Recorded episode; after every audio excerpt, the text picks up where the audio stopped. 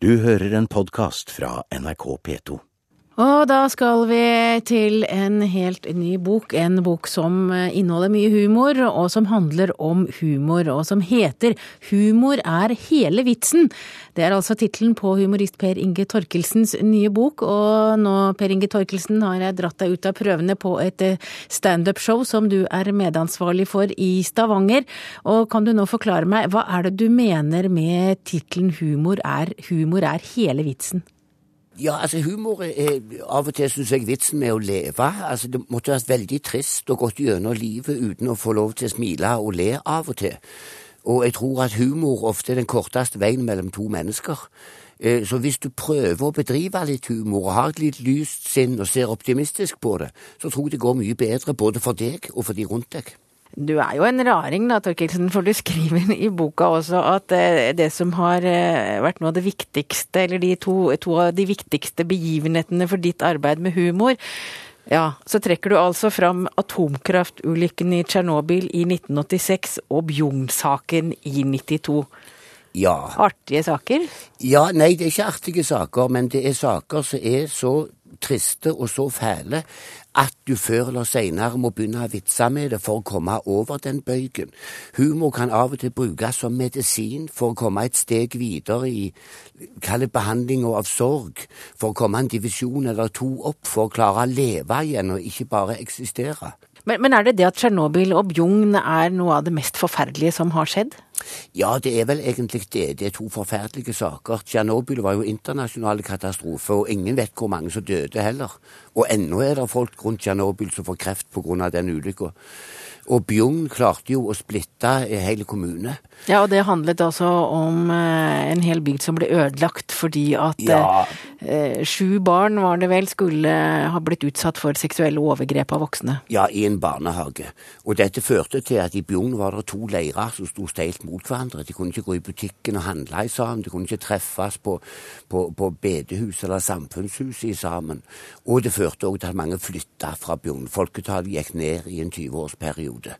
Eh, og, og, i sånne tilfeller tror jeg at du må inn med humor, sjåfør jo heller. Får du folk til å smile og le og treffes igjen og kommunisere med hverandre, så kan det være veldig viktig. Ja, du reiste dit, du, sammen med Flettfrid? Ja, sammen med Flettfrid og Åge Aleksandersen, Halvdan Sivertsen og diverse. Så lagde vi en slags underholdningskveld i gymsalen på en skole i Bjugn. Og jeg tror ikke akkurat at vi revolusjonerte det. Det viser jo historien at vi ikke gjorde. Men vi gjorde i alle fall en, en ganske god jobb, tror jeg. Og vi klarte å lage det som far min kalte kosestund et par timer den kvelden. Og vi fikk folk til å le og kose seg og stå ut forbi i grupper og snakke sammen vennskapelig igjen. Men du skriver at det er forskjell på hva vi kan spøke med og, og, hvor raskt vi kan spøke, at det er kulturelle forskjeller. Og der bruker du Freddie Mercury som et eksempel. Han døde jo av aids, og du var ja. i England. Ja, jeg var i England. Jeg landa vel på Heathrow omtrent. Jeg, jeg leste avisene da at han var død dagen før.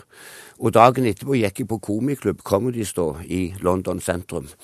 Uh, og der er det en haug med standupere, åtte-ti stykker, som har ti minutter hver.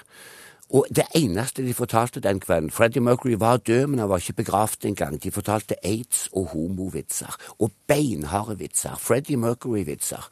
Og det er vel den flotteste begravelsen jeg har vært i.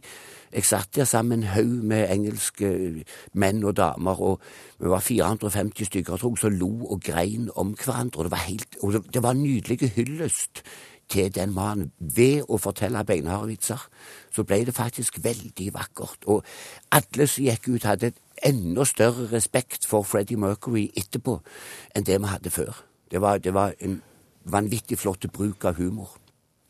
Og i boka så har du prøvd det som vel ikke så veldig mange har forsøkt på ennå. Du har prøvd å lage humor ut av historien til Anders Behring Breivik. Hvorfor det? Ja, Det er på grunn av kjeften min. Jeg skriver i boka at du skal vitse med alt, og da fikk jeg mail fra Samlaget at da, eneste denne boka da manglet et kapittel om Anders Behring Breivik. Og det hadde jeg ikke tenkt å skrive. Men så satte jeg meg ned, og jeg brukte lang tid. Ikke mer enn tre sider, tok. Det er ikke store kapittelet. Men jeg brukte nokså mange dager på å prøve å finne den rette vinklinga, og prøve å gjøre det litt humoristisk uten å såre for mange. Og jeg vet ikke om jeg har fått det til. Kona mi syns ikke dette er morsomt, men det er et par andre som har lest det, som syns det er morsomt igjen. Men det er ikke tvil om at det er vanskelig. Men jeg har iallfall gjort et forsøk.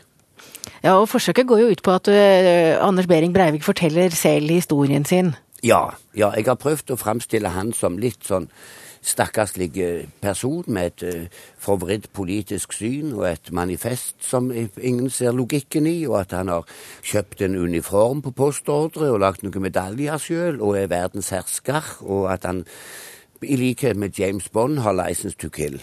Så, så det har vært min vinkling å prøve å, å latterliggjøre personen. Og du vet ikke helt resultatet. Er det noe med at humor kanskje må ligge litt? For jeg leste det og tenkte at uh, jeg lo jo ikke. Altså, jeg, jeg, forstår grepet du har gjort, og, og, det er ikke dumt, men det er for nært.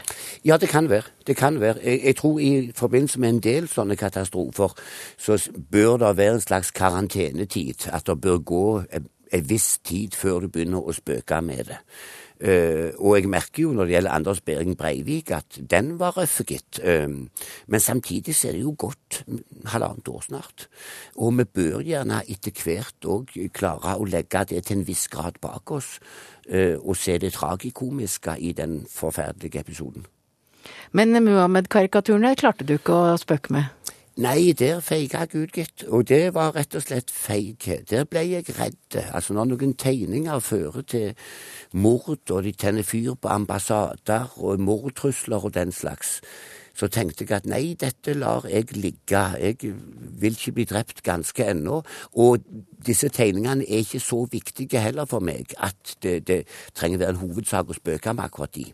Og så er det noe jeg lurer veldig på, for du skriver at eh, du vet 100% sikkert hvem som kommer til å le mest av en historie, menn eller kvinner. Og da lurer jeg på, hvordan vet du det?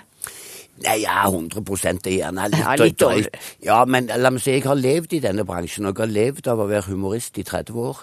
Og da får du etter hvert litt erfaring. Og, og en av de tingene som jeg vel har sett, det er at damer er flinkere til å lage bilder i hodet. Altså når jeg forteller en historie om ei dame som sklei og tok 17,5 omdreining i lufta før hun smalt i bakken og brakk lårhalsen, da ser damer det tydeligere for seg enn menn. Og den type historier ler damer ofte mer av, der du må sjøl bruke fantasien din og leve deg inn i selve storyen. Og så skulle jeg gjerne fått deg til å fortelle historien om forholdet ditt til kirurger, Einstein og sjåføren. Og i det hele tatt, det er mange gode historier i boka di, men, men, noe må jo være igjen til de som skal lese den nå, så da får vel boka få lov å leve sitt eget liv. Får håpe han kommer til å leve sitt eget liv. Takk til deg, Per Inge Torkelsen. I like måte. Takk skal du ha. Du har hørt en podkast fra NRK P2.